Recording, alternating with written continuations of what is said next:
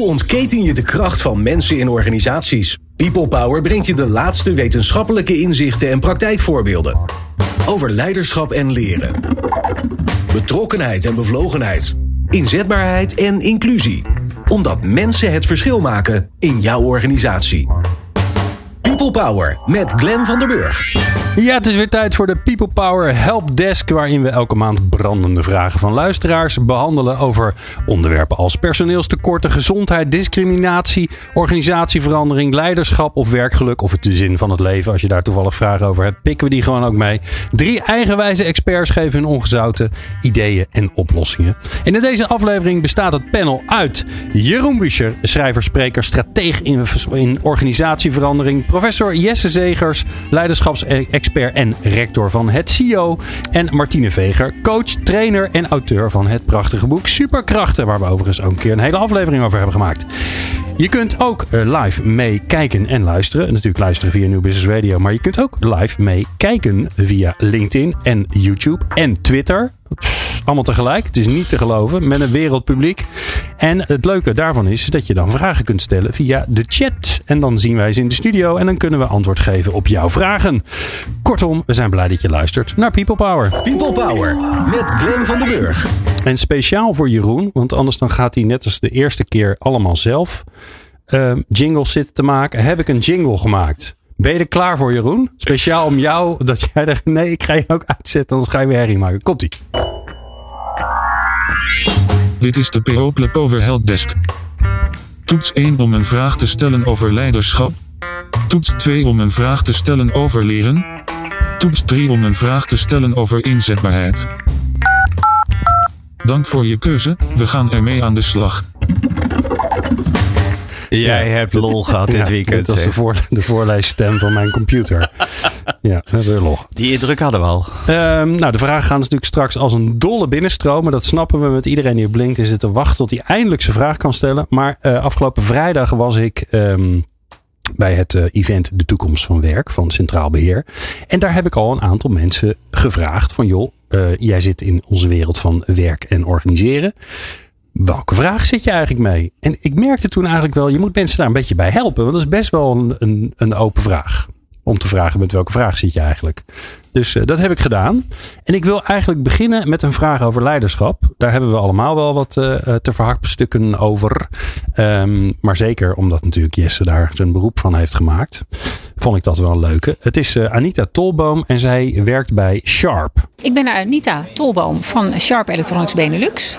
En ik zou heel graag willen weten hoe je in een organisatie waar een sterke leider is, hoe je er toch voor kunt zorgen dat andere mensen leiderschap tonen. Ja. Dus er is een sterke leider.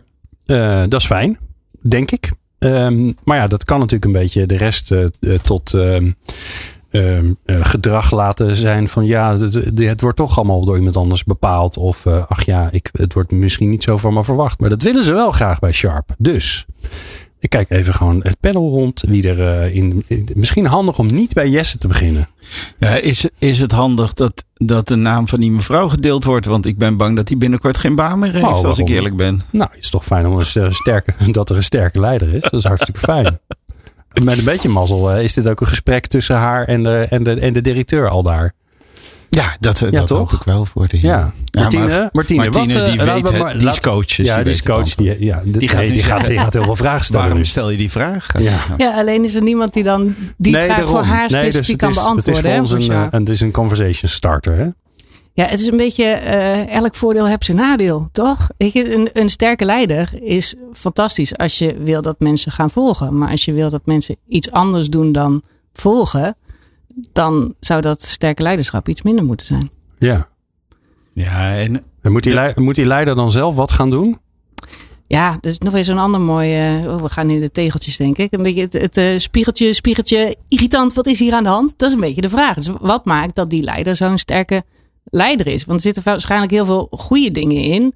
Maar als die sterke leider ook gaat zien dat mensen dan vooral volgen en niet meer zelf met initiatieven komen, ja, dan denk ik dat die leider zelf wel aan de bak moet. Ja. Ja. Oké, dus die, die, kan, die kan je bellen. nou, maar, maar ik denk je moet de, Jesse? eh, het is natuurlijk, dat zijn zo van die vragen die hypergelaagd zijn, maar dat ga je bij mij op elke vraag horen. Eén is natuurlijk, en daar suggereren, suggereer je al. Uh, kan je daar geen jingle van maken? Ja, het is tijd voor een ja, die vraag is wel heel hypergelaagd. Ja, die is gelaagd in de zin dat je natuurlijk de veranderredenering nodig hebt. Uh, in, om daarmee te starten, de, uh, wat, welke context vraagt nu dat die sterke leider er niet mag zijn? Hè? En normaal, want ze zoeken dan naar een vorm van gedeeld leiderschap.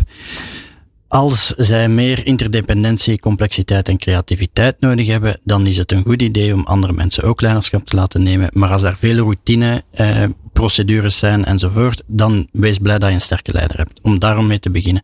Twee, als je dan, eens, als je dan weet waarom je dat dan zou willen, dan komt natuurlijk de vraag, ik ga er maar even vanuit dat sterk leiderschap een soort sturend uh, dominant model is. Hè? Want je kunt ook op andere manieren ja, sterk goede leiderschap. Visie. Zou kunnen, maar je kan ook heel veel sterk ego hebben en daardoor een heel sterk nee, het was zijn. positief. Het was heel Ja. positief. Voilà, dus een goede moeten we visie, er dat is één ding. Ja. Natuurlijk, het ingewikkelde, en dan komen we op, op het verhaaltje van macht. Die persoon heeft dus veel macht in een organisatie. En een van de dingen die het ingewikkeld maken om andere mensen meer leiderschap te laten nemen, is dat hij macht zal moeten delen en macht zou moeten afstaan, psychologisch gezien. En dat gaat niet snel gebeuren. Om de simpele reden dat één, mensen vaak niet beseffen dat ze macht hebben. En twee, als ze macht dan hebben, eh, meer geneigd zijn om te praten, meer naar voren gaan, meer opportuniteiten zien, abstracter kunnen redeneren, meer op de lange termijn, creatiever zijn, enzovoort, enzovoort. Met andere woorden, die sterke leider weet het ook gewoon beter dan die andere mensen. Aha. Want die andere mensen hebben minder macht en die zijn meer geneigd om zich terug te trekken, meer risico's te zien, minder te spreken enzovoort. Dus dat is betrekkelijk ingewikkeld om die padstelling te doorbreken, want het is één ding om dan tegen die mensen te gaan zeggen, heel leuk, eh, neem eens wat meer initiatief, maar dan zeg je eigenlijk tegen een machteloze, gedraag je gelijk een machtige, wat niet gaat gebeuren. Dat is de reden dat ze daarin vastzitten. Dus je kan dan in je bovenstroom tenminste al proberen om hen meer macht toe te bedelen. Dus formele autoriteit te geven enzovoort. Dat is een startpunt. Maar dan zul je toch nog aan identiteitswerk moeten doen op het niveau van die machteloze, maar evengoed, en daar loopt het vaak mis, op het niveau van die machtige. Dus die sterke leider, die moet op een zeker moment zich afvragen. eh, ik vraag dan meestal in die situatie, heeft die persoon een speeltuin? Waarmee ik wil zeggen, kan die persoon zijn talenten op een andere plek dan in die organisatie inzetten. Zodanig dat hij tenminste ruimte laat voor de niet-machtigen om zich steeds machtiger te gaan voelen. En op het ogenblik dat je die bottom-up bewegingen effectief krijgt, moet die persoon opzij kunnen gaan of eenmaal door dat identiteitswerk zijn gegaan en zich te gaan transformeren. Maar dat laatste, dat zie ik niet zoveel gebeuren. Dat is dus het snelle antwoord op een eenvoudige vraag. Nou, ik vond het best een snel antwoord op een eenvoudige Oh. vraag. Ja, best een lang antwoord. ja, de, eh, mijn gedachte erbij is dat als eh, leiderschap is in principe een middel voor een doel. En het doel is natuurlijk de organisatie helpen, eh, zijn klantenroute te helpen en het zelf een beetje naar de zin te hebben. En als sterk leiderschap betekent dat de kracht van mensen in organisatie eh, nauwelijks nog gebruikt zou worden. Dat impliceert deze vraag een beetje. Dus Ja. dat mensen heel passief worden van het gedrag van degene die ze aan leider noemen. Dan weet ik niet of ik dat sterk leiderschap vind. Want volgens mij eh, ben je veel sterker als je de kwaliteiten en de ideeën en, de, en de kennis van andere mensen weet te activeren. Dus als het werkelijk zo is dat een organisatie zo'n sterke leider heeft dat niemand nog iets durft te zeggen, dan zou ik dat persoonlijk nooit een sterke leider noemen. Maar meer iemand, een dictator of zo. Nou, ik denk dat dat niet aan de hand is, maar ik denk wel dat, dat want dat zie je wel vaker, dat als eh, de leider sterke woorden heeft, want daar komt het op neer, die bezig taal, en die, dat klinkt allemaal wat zelfverzekerd, dat mensen zich daardoor geïntimideerd voelen en denken, nou, laat ik maar vooral gaan luisteren of ik het dan zo goed doe. Ja, ik vind dat eerlijk gezegd meer een probleem van degene die luisteren dan degene die sterke woorden gebruikt. Oké, dus, Dus dan heb je je zou in beetje... de organisatie beetje- eens moeten afvragen waarom durft niemand hier zijn bek nog open te trekken en maar één iemand. En, en ik denk dat we nu allemaal heel gechargeerd antwoord geven, want ik ben het heel mee eens. Ja, maar er wordt het is een scherp vraag, eh, dus er zal veel meer nuance zijn dan dat. En je kan misschien ook wel wat simpels doen. Wat- eigenlijk jullie eh, allebei zeggen, eh, Jesse en Jeroen, is dat de, degene die de macht heeft, die blijft de macht krijgen omdat diegene steeds machtiger wordt. Dus hoe meer mensen ja zeggen, hoe meer diegene denkt dat diegene het inderdaad helemaal goed weet. Dus deze sterke leider, ehm, als diegene meer nee-knikkers om zich heen verzamelt, en meestal zijn dat de mensen die je eigenlijk heel irritant vindt, eh, waar je liever niet naar wil luisteren, die anders zijn dan jij. als je die als sterke leider uitnodigt, ja, dat is pas echt sterk leiderschap volgens mij. Want dan ga je je eigen nees creëren en kun je dat cirkeltje misschien wel ook doorbreken. Dat Maar- jij maar altijd dat- degene die bent die en de ik macht vind heeft. dat een prachtig voorstel. Alleen is dat nu net inherent aan de psychologie van macht. Die hebben daar niet door. Eén, dat die geen eh, it's good to be the king. Ja. Dus die houden niet van introspectie. En die houden vooral niet van mensen die oprecht minder weten Ja. als hen, dat die nu nee gaan zeggen. Want moet ik me daar ook nog mee bezighouden? Dat is, macht is de asymmetrie van resources. Dus Ja. ik heb meer resources dan jij. Dus je kan dat wel suggereren. En daarom dat wij natuurlijk eh, processen organiseren in organisaties die toezicht houden op machthebbers. Zoals ik vraag me dan af, wat doet dan die raad van commissarissen en toezichten? Die zouden die macht wel kunnen verkleinen als ze dat zouden willen. Dus, maar een machthebber zijn macht zeggen van, nu moet je je macht organi- tegenmacht organiseren. Ja, dat zou hoeft je niet moet- formeel. Het hoeft niet formeel. Dus maar dan de- gaat het niet gebeuren. Ja, als je, er zijn, dus wat je zegt, er zijn steeds meer narcistische leiders. Hè? Dus, dus de- hè, als, je, als je die. eh, Nee, je zou kunnen zeggen, narcisme is een gunstige eh persoonlijkheidseigenschap om leider te worden. Zo zou ik het noemen. Ja, en die, en die wordt versterkt in zo'n positie. Dus het, en, ik zou juist zeggen, niet zo formeel. Want als het formeel moet, dan moet je er als sterke leider ook mee. Terwijl nodig iemand uit om één op één met jou te zeggen wat je allemaal verkeerd doet en kijk ermee wat je ermee doet. Maar Jesse, ik hoor jou eigenlijk zeggen, je moet, het, je, moet het, ehm, je moet het in het systeem stoppen. Dus je moet iemand gewoon minder macht geven. En, dat deel, en dat deel, hè, even plastisch gezien, dat deel van de macht geef je aan anderen. Zeg je, hier ben ik niet meer van, maar daar is iemand anders van. Ehm, En iemand, iemand anders houdt er ook toezicht op dat dat gebeurt. Ja, oké. En daarom dat wij onze maatschappij ook zo hebben ingedeeld. Hè? Mensen die wetten maken wetten, enzovoort. Ja, ja, het scheiding der machten. Mhm. Ja. Ja, en, en, en wa- wat er ook altijd in speelt, want dat ben ik dan wel met Jesse eens, is dat wij overschatten nog steeds met onze individualistische bril dat mensen veel sturing hebben over hun eigen gedrag. Ik denk dat dat inderdaad reuze meevalt. Ik, ik ben wel echt wat dat betreft een structuralist. Het, wij worden gemaakt door onze context. En ondertussen kijken we in de spiegel en dan zeg ik, ik maak mijn eigen keuzes. Maar stel je eens voor, stel je gewoon, luisteren, stel je eens voor Luisteraar. dat op het moment dat jij je mond open doet, in welk gezelschap dan ook, iedereen ophoudt met praten en naar jou gaat luisteren. Moet je je eens voorstellen dat als er eh, mensen in je omgeving voorstellen doen, we zouden dit kunnen doen, we zouden dit kunnen doen, en jij zegt, nou we zouden ook dat kunnen doen, dat er een hele sterke neiging is om dat dan ook te gaan doen. Eh, stel je eens voor dat als je jij. bedoelt dat mensen luisteren naar je, echt. Ja, en, dan dat- ook gaan doen wat je zegt. Ja, stel je eens voor. Stel je eens voor dat dat de hele dag is. Hè? Dus niet even, maar de hele dag. Stel je eens voor dat als jij zegt: Ik denk dat het een goed idee is dat we dit gaan doen, dat mensen dat ook gaan doen. Nou, wie, gaat dan, wie is dan nog in staat om te twijfelen over. Ja, ik denk dat ik zou gaan denken, nou, volgens mij heb ik het wel vrij goed bij het goede eind. Want als ik om me heen kijk, eh, luistert iedereen, doen ze wat ik zeg, wordt mijn mening heel hoog geacht. Ik krijg ook nog gigantisch veel complimentjes. Ja, Stijg daar maar eens overheen. En Jeroen, wat, dat, wat dat ze dan ook nog doen, blijkt succesvol. Ja, bijvoorbeeld. Dus wie gaat dan zeggen, nee, we gaan twijfelen. Ik bedoel, dat, dat is nu net de psychologie van macht. Dus in Maar theorie... wat, moet, maar wat moet in dit geval, dat vind ik wel interessant, hè? want eh, je systeem, structuur, snap ik. Mhm. Wat is de rol van die, van die sterke leider zelf? Wat zou die dan moeten doen, Martine? Nou, volgens mij, als je het onderscheid maakt op waar jij het wel echt moet weten en waar jij dus moet leiden en waar je het aan anderen moet vragen. Dus bijvoorbeeld op strategisch-tactisch niveau, tuurlijk prima. Als je daarbij de keuzes maakt en dat mensen dan knikken en zeggen ja en dat gaan doen.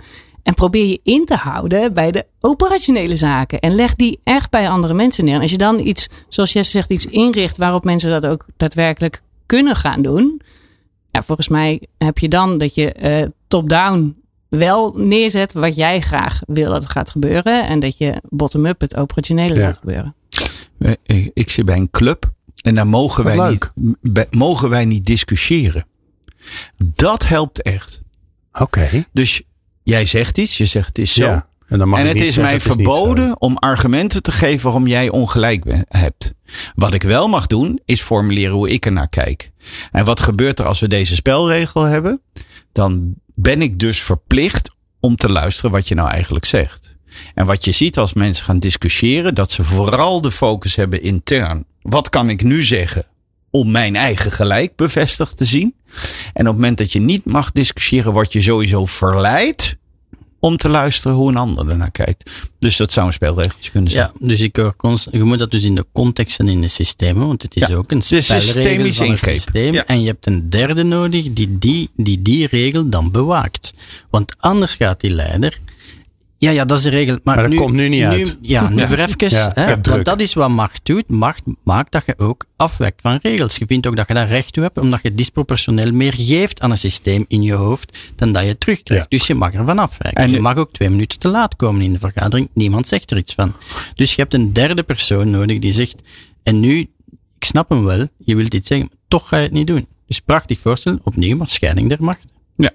En er is nog één ding, dat is wel, je kan als leider weten of je in de gevarenzone bent. Heel makkelijk.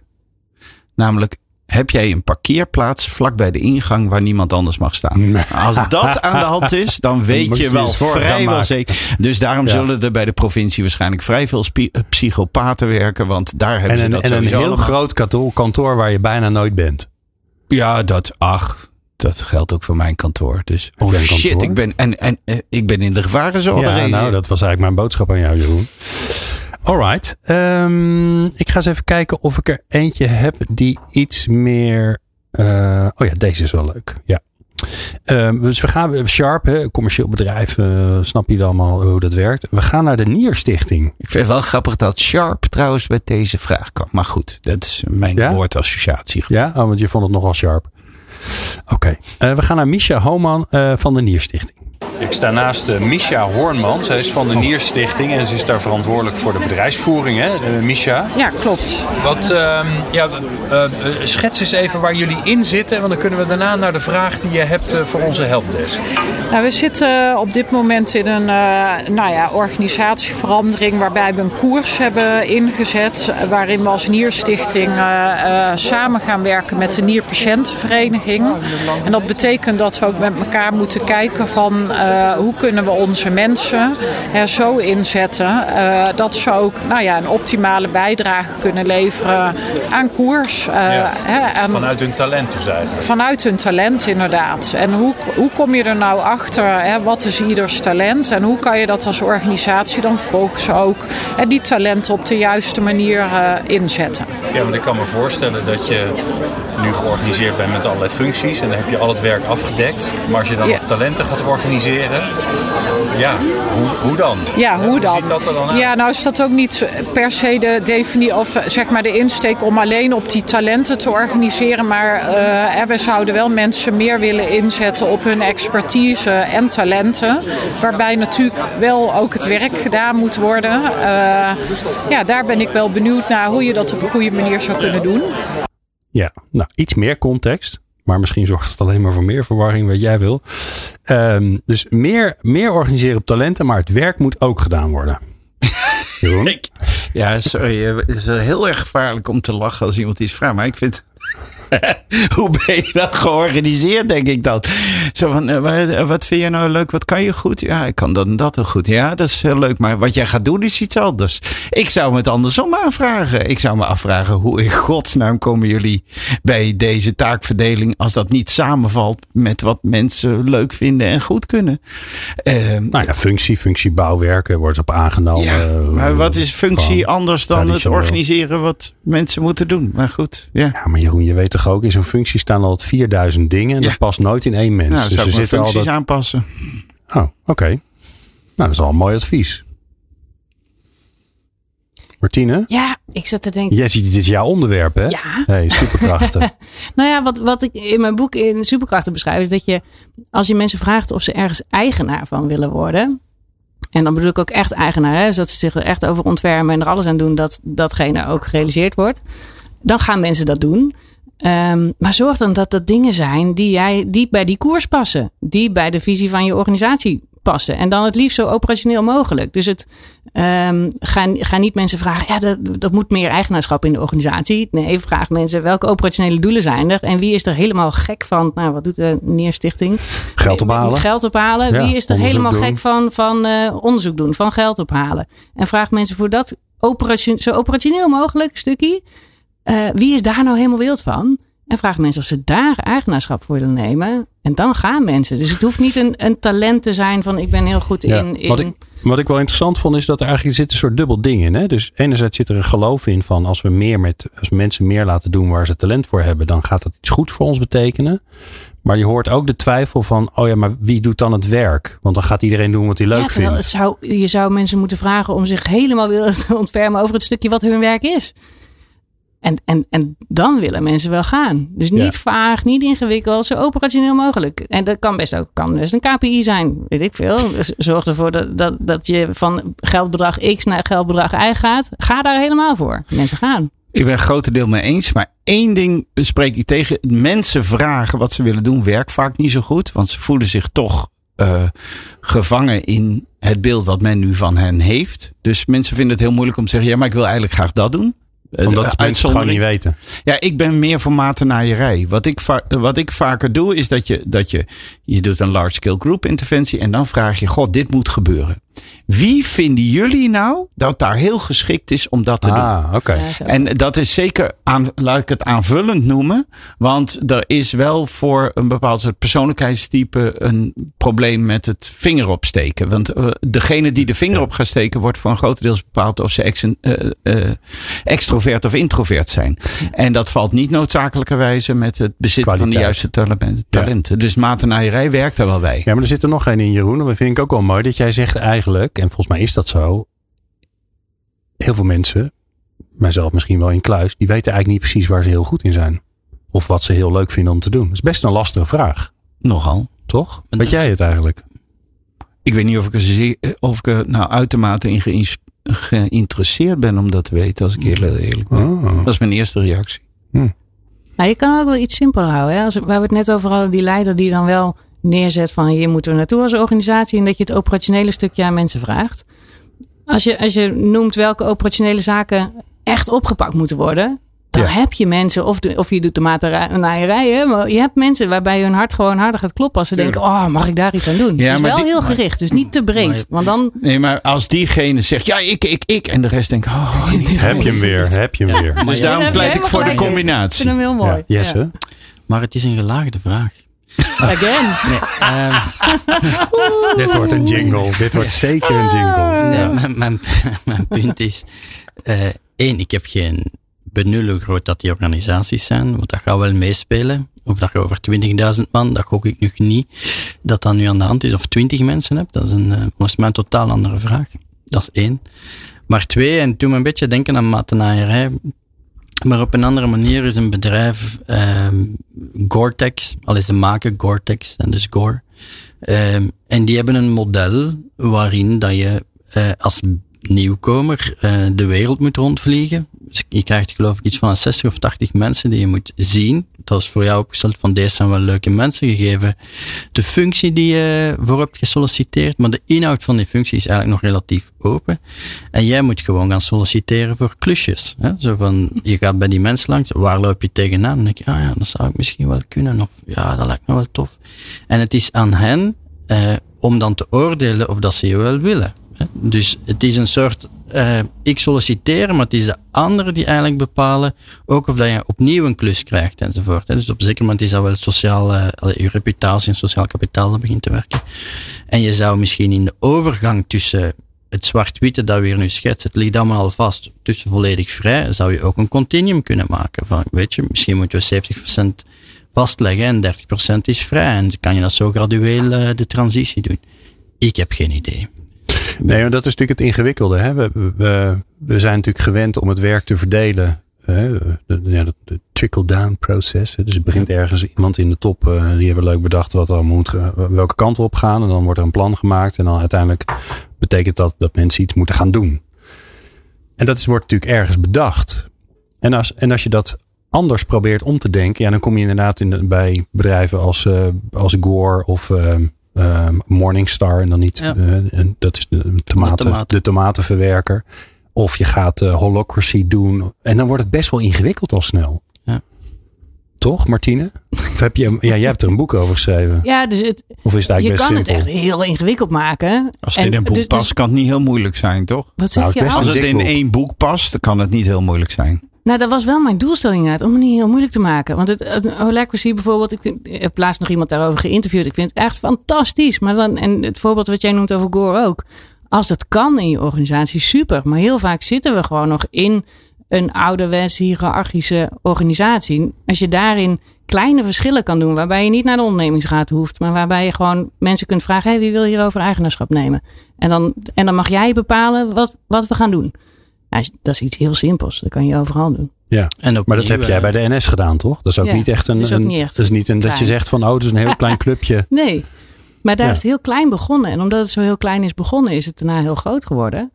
Ehm, maar er zijn ook heel kleine organisaties die dit doen. Dus het, het hoeft niet heel ingewikkeld, hoewel dat wel vaak onze neiging is. Hè? Dus als je wil dat mensen hun talent gaan inzetten, dan komen er vaak heel ingewikkelde talentenprogramma's, weet ik veel, koersprogramma's. Ja, kan je het ook heel simpel houden. Vaak werkt dat beter. Maar leg ons dan even uit, hoe, hoe zit het dan in elkaar? Nou ja, dus er komt van bovenaf je- wordt er bedacht. En dan op een gegeven moment, nou, dat betekent dat er dit en dit allemaal moet gebeuren of moet veranderen. Ja, en, dat, en, dan, en dan kies je er een paar. Kies je een paar onderwerpen waarvan je denkt van, nou, dit, dit is voor, voor de Nierstichting is dit heel belangrijk. Dat we ons geld aan de goede dingen besteden, dat we veel geld binnenhalen. Weet ik veel, ik noem maar iets. Hè? Als je die op, zo operationeel mogelijk weet te, vragen, te maken, en je hebt een paar echt operationele doelen. En je vraagt uit mensen in het team, wie wil hiervoor eigenaarschap nemen? Is het oké dat jullie hiervoor bepalen wat we gaan doen het komende kwartaal? Nou, dan ga je dat doen. Oké, want zo Punt. is het bij de NS ook gegaan. Dus, Ja. je, dus dat werd dan uitge, uitgevogeld. Dit zijn de, zeg maar, de doelen. En dan, en dan was er. Ja, is veilig, op tijd, gastvrij. Nou, die heb je dan helemaal doorge... eh, maar hoe klein wordt het dan? Eh, Noem eens een voorbeeld. Weet je dat nog? eh, eh, op tijd rijden, het percentage treinen dat op tijd Maar aankomt. dat is heel groot. Ja, maar niet, maar niet als je hem kijkt naar wat kunnen wij daar zelf als machinisten of wat kunnen wij daar als conducteurs aan doen. Binnen onze eigen invloed. Hè. Want je, moet niet, je kan de hele wereld willen veranderen. Maar wat kunnen wij als machinisten eraan doen dat wij beter op tijd rijden? En wat hebben we daarvoor nodig? Nou, laat die mensen dat verzinnen. Dat kan, kunnen machinisten beter. En mogen ze, mogen ze het dan ook doen? Want dat is natuurlijk twee. Verzinnen Ja, dus- is één. Dan gaat het in een, in een, dan komt, precies. en dan komt er een besluitvormingsproces. Ja, dus- dus als vier je dit maanden doet- later heeft niemand wat gedaan. Nee, dus als je dit doet eh, en je gaat mensen vragen inderdaad van wil je hier voor eigenaarschap nemen, dan moet je wel van tevoren bedenken en wat mogen ze allemaal, wat kunnen ze allemaal bedenken wat niet kan. Ja, de, en, en dat vinden mensen heel vaak en, want dan denken ze, oh, hoezo, eh, mensen moeten bottom-up tot of, eh, hè, verzinnen. Maar zonder kaders is het eigenlijk veel enger, want dan verzinnen ze iets wat heel veel geld kost. Of wat, Het- eh, het is en, en dus, dan moet je ze weer eh, terugfluiten. Je moet ze structureel en niet psychologisch empoweren. Zo heet dat in de academische literatuur. en- Structureel en niet psychologisch. Nou, dan, is het natuurlijk, dan, dan ga ik heel intelligent kijken en dan denk ik, ik heb geen idee? Psychologisch empoweren is een klassieker. Kom maar met ideeën. En dan, eh, ik ben, ben van mij 68, ik wil tegengesproken worden, bla bla bla. Dat soort logica. En dan komen mensen met ideeën, maar ze mogen niet, ze mogen niet met hun handen aan, eh, aan het geld zitten. Ja. En structureel empowerment is dat je zegt, eh, kom maar met ideeën en je mag tot, weet ik veel, 150k beslis je zelf of 50k, whatever het getal dan is. Ja. En je bent dus structureel empowered tot het bedrag waarin dat je zelf mag uitgeven. Aha. En al de rest moet je toch naar papa of mama gaan om te zeggen, hey, ik heb een leuk idee, maar mag het van papa en mama? Dus en heel veel bedrijven doen het psychologisch, maar niet structureel. Hè. En Mhm. dat is een hier, groot verschil. dat is een Ja. groot verschil. Ja. Er is, Want- een- er is een mooi verhaaltje in Timothy Ferris. Dat ze dan, als er een, een onkostenvergoeding aan de klant uitgekeerd moet worden, dan moet dat de, de heuvel op en af. En dan besluit ze alle mensen aan de telefoon gewoon een eigen jaarbudget ge- eh, te geven. Wat ze naar eigen inzicht als onkostenvergoeding moeten mogen uitkeren. En dan blijken op jaarbasis de algehele onkostenvergoedingen te dalen. En kijk er ook wel mee uit. ik had een leidinggevende die, die gaf leiding aan mensen die eh, undercover werk moesten doen. En die mensen die moesten verschillende kleding hebben om hun werk goed te kunnen doen. Weet je, als jij als boef eruit moet zien, dan moet je er ook als boef uitzien. Als je het niet in je kast hebt Ja, hangen, dan moet moet je je een gestreept pak. Dat hebben we meestal niet liggen, toch? Bijvoorbeeld, Ja. die gouden ketting heb je er ook niet bij. Dus, hè, dus mensen kregen een budget van 750 euro, mochten ze kleding verkopen. En hij zei tegen mij, Martine, wat denk jij? Welke bonnetjes kreeg ik binnen? Dat was dus allemaal 749. Hè? Dus allemaal Ja, rond die 750 euro. En daarbij is hij het kader juist los gaan laten. En heeft hij tegen ze gezegd, jullie mogen uitgeven waarvan jij denkt dat echt nodig is. Denk gewoon goed na, wat echt nodig is. En daarbij ging het weer omlaag. Hmm. Dus de, de kaders, ja. Maar ja, soms als je sommige kaders zet, gaan mensen ook juist helemaal tot aan dat randje. Ja. Dat is ook niet altijd wat je Die bedragen gingen omlaag, maar dat was wel vlak nadat ik de organisatie verlaten had. Dat natuurlijk wel. Je was de big spender. Alright. Ehm, nog meer hierover? Of gaan we naar de volgende? Nee, het Kijk, probleem is opgelost. Het probleem is opgelost. Nou, eh, we horen wel van eh, Misha of eh, zij dat vond. Is even kijken. Nou, dit vond ik echt superleuk. Ehm, ik maak nu al zeven... Hier, hierbij degradeer je de vorige vraagstellers hè, met deze Nee, maar dat ging niet over de vraag. Oh. Eh, nee, ik, eh, ik maak nu al zeven jaar dit programma. Ehm, een- voor een belangrijk gedeelte eh, halen we, haal ik mijn lol eruit dat het hier in de studio heel leuk is en dat ik het zelf heel interessant vind. Er komt niet zo heel veel terug van luisteraars. Dat, dat is niet een verwijt, maar dat is gewoon een feit. Ja, dat is leuk en dat ruimt dan weer. Als ik dan een keer een luisteraar tegenkom, zoals afgelopen vrijdag, die dan zo naar me kijkt, zo van: Oh, wat leuk, ik zie nu je nu in het echt. Dat is heel grappig, ehm, merkte ik. En, ehm, en ze was nog fan ook, echt. En ze had ook nog een vraag. Dus ja, deze moeten we beantwoorden, toch? Al heeft het er niks mee te maken. Nee, daarom. Deze gaan we Al beantwoorden. vraagt ze gewoon wat voor kleur broek ze aan moet doen. Maakt allemaal niks uit. Oh, Dus, Daar heb ik heel goed advies over. ja, dus ehm, eh, ik, was, ik was blij met haar en zij met ons. eh, want ik maakte het natuurlijk niet alleen. Eh, vraag van Karin Smolders. Hoi Karin, leuk dat je kijkt. Karin is van Bitfood. Dat is zo'n hele grote toeleverancier van de horeca en catering en weet ik wat. Vroeger heette dat Daily Excel volgens mij. Daar komt ze. Ik ben Karen Smolders, ik werk bij Bitfood en ik eh, heb de vraag: eh, hoe kan je leren leuk maken? Ja. Nou hebben we die wel al een keer gehad. Maar eh, volgens mij waren jullie er toen helemaal niet. Nou, dit is niet zo'n Ja? gelaagde vraag. Dus die stel ik Nee, voor toch? dat Jesse begint. Dit is hele... Hij kan er vast Nee, een geluid maken. Ik hoop dat je ik kijkt, de want vraag. deze uitdrukking was heel leuk. En dames je en hebt ook, je hebt ook, je hebt ook heel Ik veel context nu gewoon, Ja. toch Jesse? En je was aan het denken, hoe bedoel je leren is niet leuk? Ik, maar ja, je vraagt hier aan iets Oh, aan jij een- vraagt je af je waarom vraagt hier leren iets niet aan al een leuk is. professor. Dus ik denk, ja, uiteraard is leren leuk. En, Ja, maar ja, dat is een ja. gebrek aan empathie van mijn kant. uiteraard. Oh, grappig. maar dat Ik- is ook eigen aan professors. Dus Ik had zelfs de vraag verkeerd begrepen. Want ik, verzin- ik dacht dat ze wilde leren leuk maken. Maar ze wil leren leuk maken. Ja, ja. ja Ah, Jeroen, ik ja. had de nadruk Hoe zelfs maak je leren, het proces leren, Ik vond het wel origineel. Hoe kan je nou leren iets leuk te maken? Maar nee, ze wil leren leuk vind ik ook een leuke vraag trouwens. Ja. Hoe maak je leren leuk? Hoe zorg je dat het leuk wordt? Nou, Jeroen, ik kijk eerst naar jou. Ja, ja nee, daar, want daar, jij heb bent, ik zelfs een bent- mening ja, over. Jij bent Ja. fan van het woord leuk. Ja, zeker. Nou, het is heel simpel. Ik ga terug naar. Nou, want wat hebben we anders? Naar mijn eigen ervaring. Dat ik eh, een zekere correlatie zag tussen of ik iets interessant in mijn leven iets interessant vond, spannend, eh, enerverend of leuk. En hoeveel ik er dan vervolgens van die ervaring, boek, lezing, eh, gedrag van anderen heb opgepikt. En eh, dat wat ik saai, oninteressant en eh, eh, niet zeggend vond. Dus ik denk als, als je iets niet leuk vindt, dan zegt het lichaam eigenlijk tegen jou: er is een uitzondering, die ga ik zo maken. Als je iets niet leuk vindt, in de zin van dat je erdoor aangestoken wordt, dan zegt het lichaam eigenlijk niet relevant, geen, waar, geen aandacht aan besteden. We gaan de hersenen hier niet voor voorbereiden om hier iets van op te pikken. Dus als leren niet leuk is, laat het dan achterwege. Want wordt zo. Dus als het saai is. Er is een uitzondering. Eh, pijn kan ook heel interessant zijn. En dat kan zelfs. Ik heb, ik heb boeken gelezen waar, mensen is het goed? Ik, ik vind het echt super, maar het is alleen fucking saai. Dus dat, dat, dat, dat maakt het wel weer raar. Maar ik denk dat, dat eh, ehm, zeg maar de hersencellen zich moeten openstellen om te leren. En dat doen ze als die hersencellen denken, "Hé, dit zou wel eens relevant voor mij kunnen zijn. En, en dus het, eh, het, het Ja, maar jij zegt, jij zegt relevant is één, maar ook leuk. Ja, maar Want anders moet je- die moet hersenen wel- gooien het dicht als ze denken dit gaat niet over mij. Nee.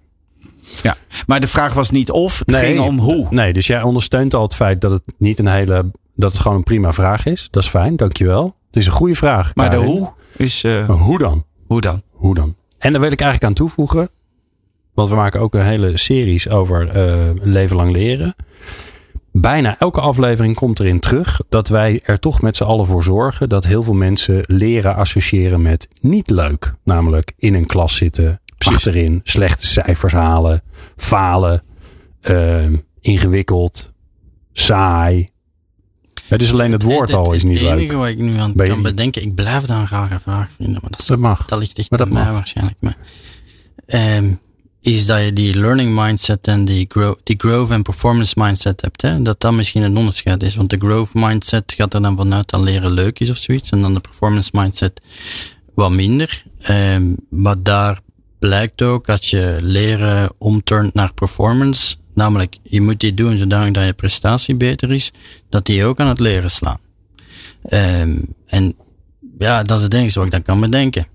Eh, maar een ander ding dat ik daar ook nog onder heb, is van, zelfs als het leren niet leuk is, waarom moet leren dan leuk zijn? Dat, dat weet ik dan ook niet. Het nut Omdat van je het leuk. anders niet op Ja, nut van leuk, eh, is dat zo? Ja, dat beweer ik Ik juist. doe Ja, ook niet de vaatwasser uit professor, en hè? dat is niet omdat ik dat leuk vind. Ik Ja, maar dat is geen leren.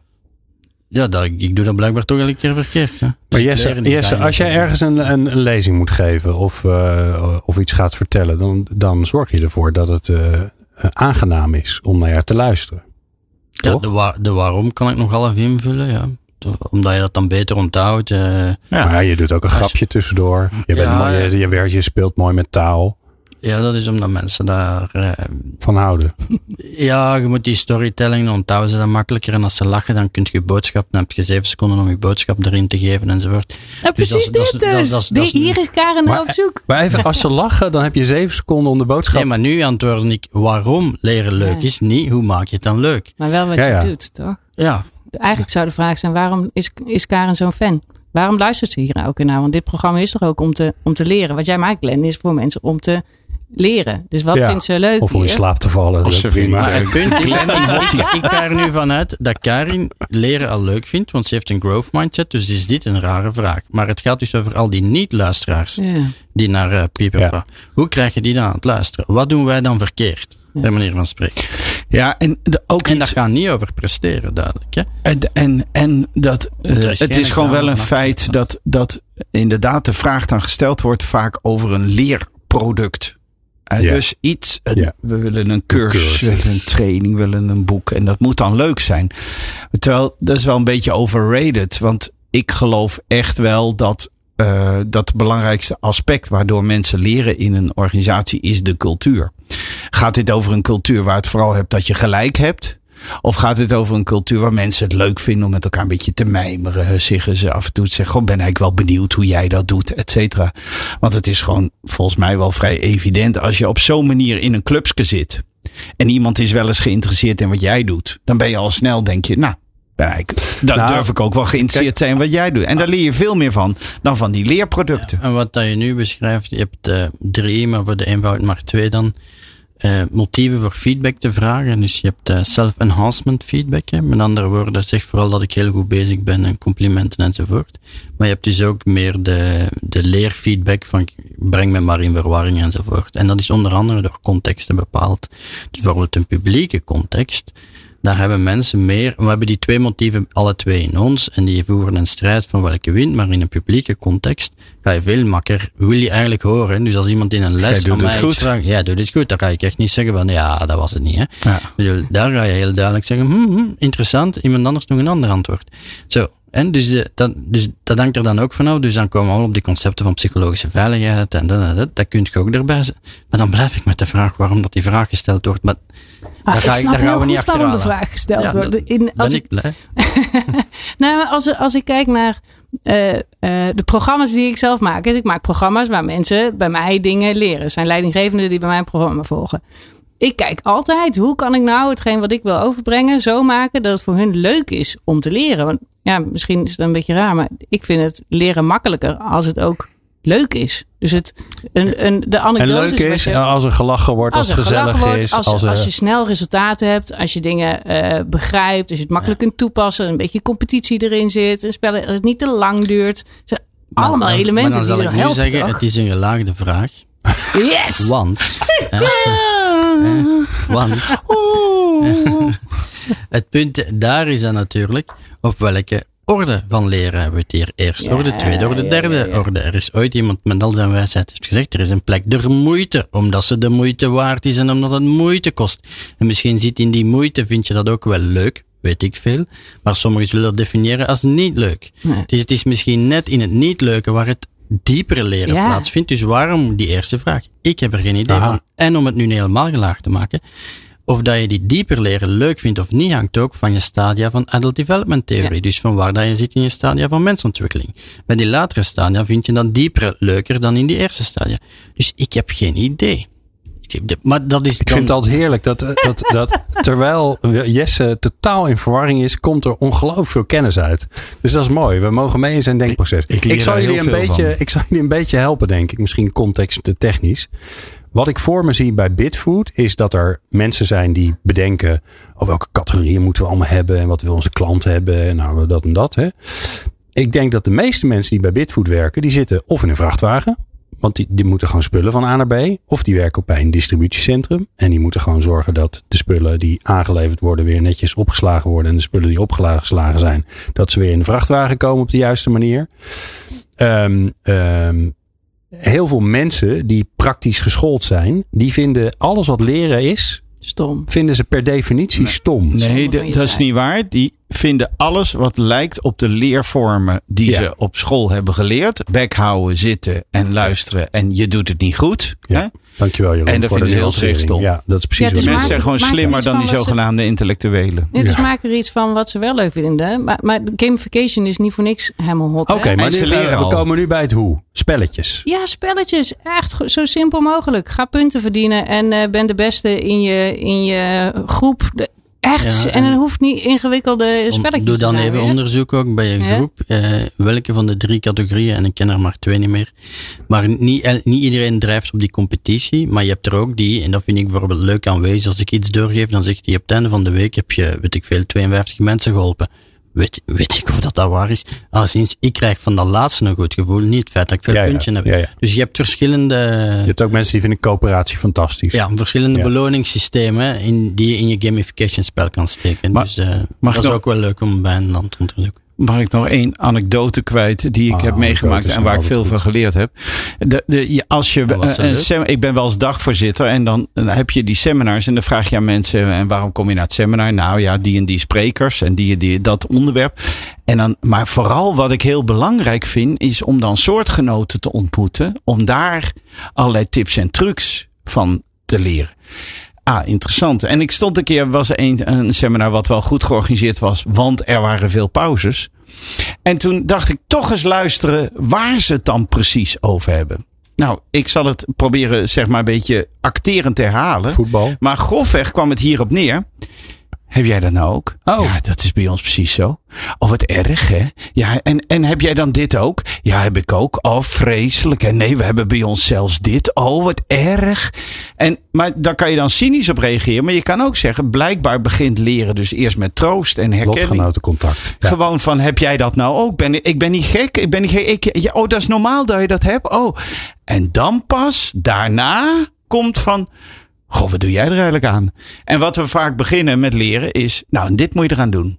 Maar ik denk dat daarvoor je eerst eens moet voelen, oh, lach naar mij? Of eh, Dus, hoe moet dus, ik je, het? dus je geeft eigenlijk de basis van therapie weer. Hè? Ja, En dat maar, maar, dat is een leerproces. cynisch, hè. Maar dat is zo, hè? Dat is een leerproces. Ja, het therapie. feest van herkenning, hè? Voilà. Ja, en je brengt mensen bij elkaar. Als wat je zegt, alleen als die mensen in, in hun eentje van hot naar her rijden, wanneer zie je dan mensen? Wanneer leer je dan over je werk met elkaar? Ja, niet, want je zit altijd in, in, in die eh, wagen te Ja. rijden. Dus breng mensen bij elkaar.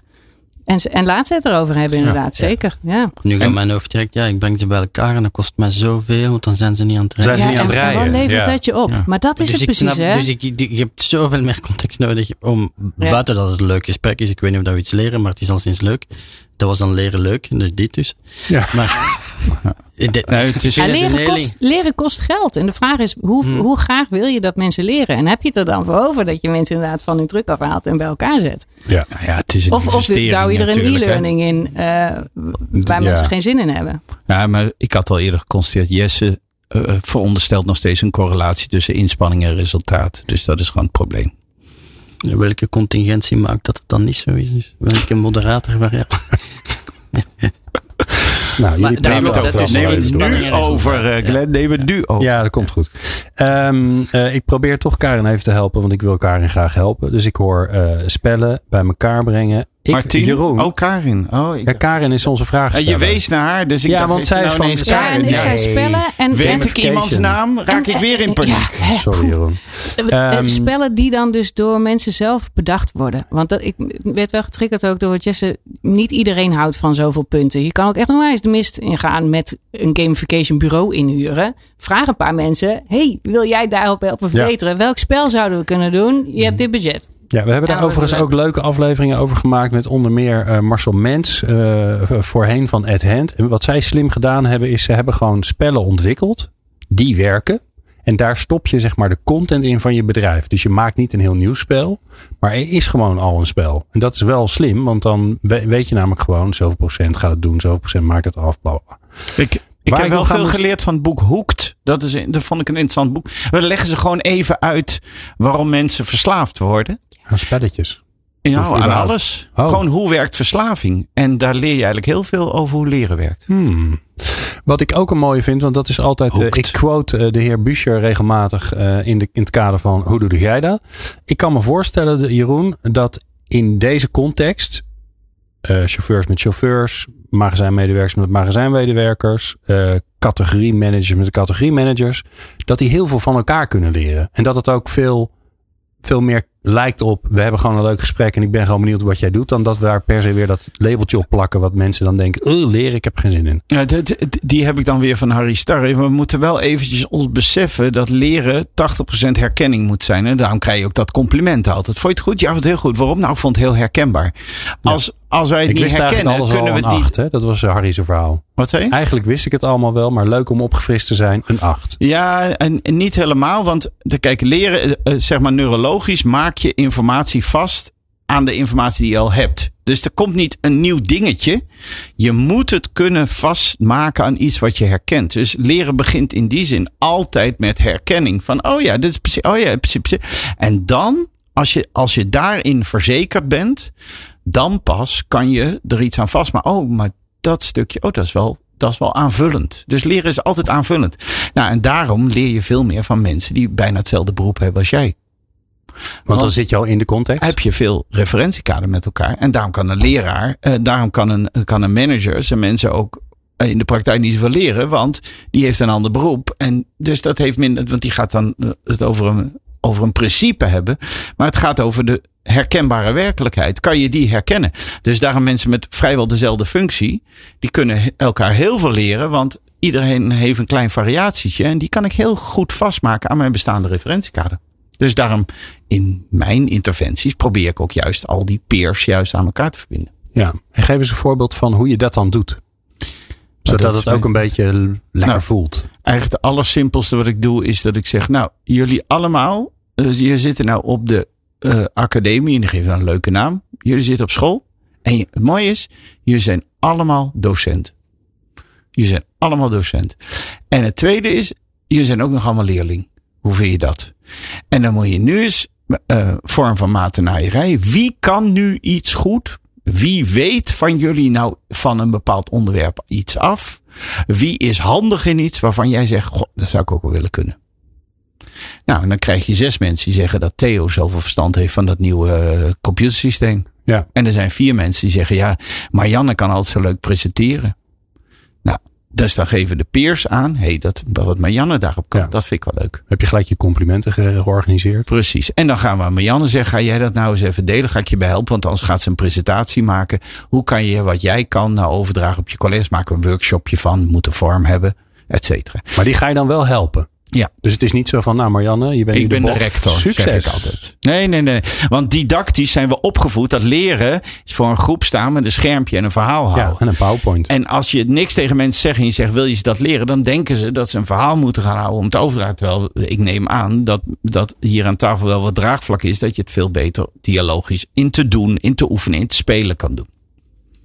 Maar opnieuw, het hangt van, uh, ik ben helemaal akkoord Jeroen, ja. maar het hangt allemaal uh, van de diepte af. Er zijn mensen die boeken hebben geschreven over schaamte. Ja, ja die kennen we ja. ja die kennen Vrouw Nauta. Uh, ja. Bijvoorbeeld. Dus ik blijf overtuigd dat op een bepaald punt het er meer is als leuk. Dus voorbij de Facebook like. ja, maar ik denk dat jij het woord leuk met oppervlakkig associeert. Leuk Ja, is maar wanneer in- mijn als systeem Belg, aanslaat. als Belg zeggen, spreken we niet over leuk. Dus dat in niet- is niet echt een alles woord? leuk. Dat is een containerconcept voor van alles. Zolang het maar leuk is, is het oké. Ehm, en ik denk dat Klopt het wel. helemaal niet nodig is dat het leuk moet zijn voor een bepaalde vorm van leren. En natuurlijk waar wij mee bezig zijn, gaat niet over, over dat het leuk moet zijn. Bij ons gaat het over diepere vormen van leuk. Ja, en het grappige, grappige is, want ik, ik hoor wel eens mensen over jou, Jesse. Ehm, eh, en ik merk dat zelf ook. Als ik jou eh, zie optreden of als je in de studio bent. Als jij er bent, zeg ik dan even als Nederlander, dan is het altijd leuk. leuk. En heel veel andere dingen, maar het is Ja. ook leuk. Maar dat is wel- dat is wel iets wat je dat- meebrengt. Dat snap ik uiteraard. Nee. Ja, Dus wat doe je dus dan eigenlijk? En wat leert je dit nou? nou dit dus. Dit, wat hij net doet. Hè?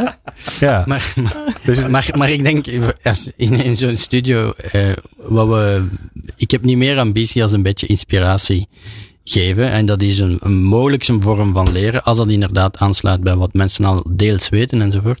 Maar of dat ook transpiratie is en een verdiept leren, dat is een heel ander vraagstuk. ja. Maar voor, voor dat eerste denk ik, snap ik wel haar vraag, voor alle helderheid. Hè. Ik, ik trek het hier wat op flessen om, om, eh, om wat discussie en wat scherpte te hebben. Maar, en ik weet niet wat daar context is en haar veranderde vragen enzovoort. Maar, eh, Misschien kan je hem nog praktisch. Ik zie dat jij de vraag eigenlijk wel afvond. Mag ik nog één praktisch Ja. dingetje eraan? Natuurlijk. Dat Want moet je gewoon vind, doen. Ik vind wel mooi het, het, eh, als je aan mensen vraagt van hey, hoe, hoe zou jij dat doen? Hè? Of sommige mensen zijn ergens heel goed in en ze, ze delen met wat ze dan operationeel doen. Hè? Dus zo'n zo'n vrachtwagenchauffeur die een bepaalde route op een andere manier doet. I don't know. Dat soort dingen delen.